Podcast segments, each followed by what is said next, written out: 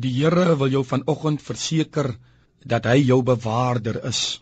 Hy wie Daniël in die leeukuil en sy vriende in die vuuroond bewaar het, is ook in staat om vir jou in hierdie dag te bewaar. Die feit dat die Here beloof dat hy oral met jou sal wees, bring die versekering dat sy bewarende hand altyd deur oor jou lewe sal wees. Vir die Here se volk Israel tydens hulle tog in die woestyn was die wolk bedags en die vuurkolom snags wat hulle vergesel het meer as net rigtingwysers en 'n teken dat die Here saam met hulle trek. Die wolk en die vuurkolom het hulle ook beskerming gebied teen die felle hitte van die dag se sonstrale en die snerpende koue van die woestyn in die nag. Net so, liewe luisteraar, bewaar en beskerm die Here Jesus sy kinders deur sy teenwoordigheid in ons lewens. Die Bybel verklaar in Psalm 91: Die Here sal jou bewaar vir elke onheil.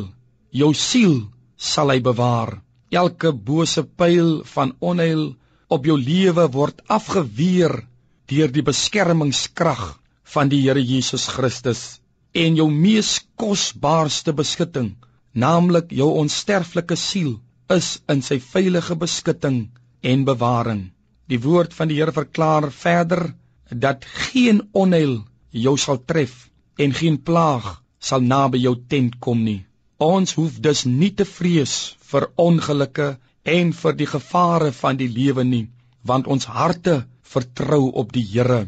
Hy wie die Here vrees, hoef niks en niemand anders te vrees nie, behalwe dat daar reddings en verlossingskrag in die bloed van Jesus is besit die bloed van Jesus Christus ook die krag om jou as kind van die Here te bewaar en te beskerm. Geen demoniese mag kan deur die beskermingskrag van die bloed van Jesus Christus breek nie. Jy is dus in hierdie dag beskut. Jy is beskerm en in die veilige bewaring onder die kosbare bloed van Jesus Christus. Die bewaarder van Israel is ook jou bewaarder. Hy gee sy engele wat dienende geeste is wat gereed staan om sy opdragte uit te voer, ook opdrag om jou te bewaar op al jou weë.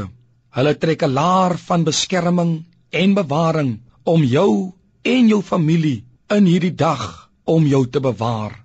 Dankie Here dat net soos U ons redder en verlosser is, is U ook ons bewaarder in hierdie nuwe dag en die res van ons lewens.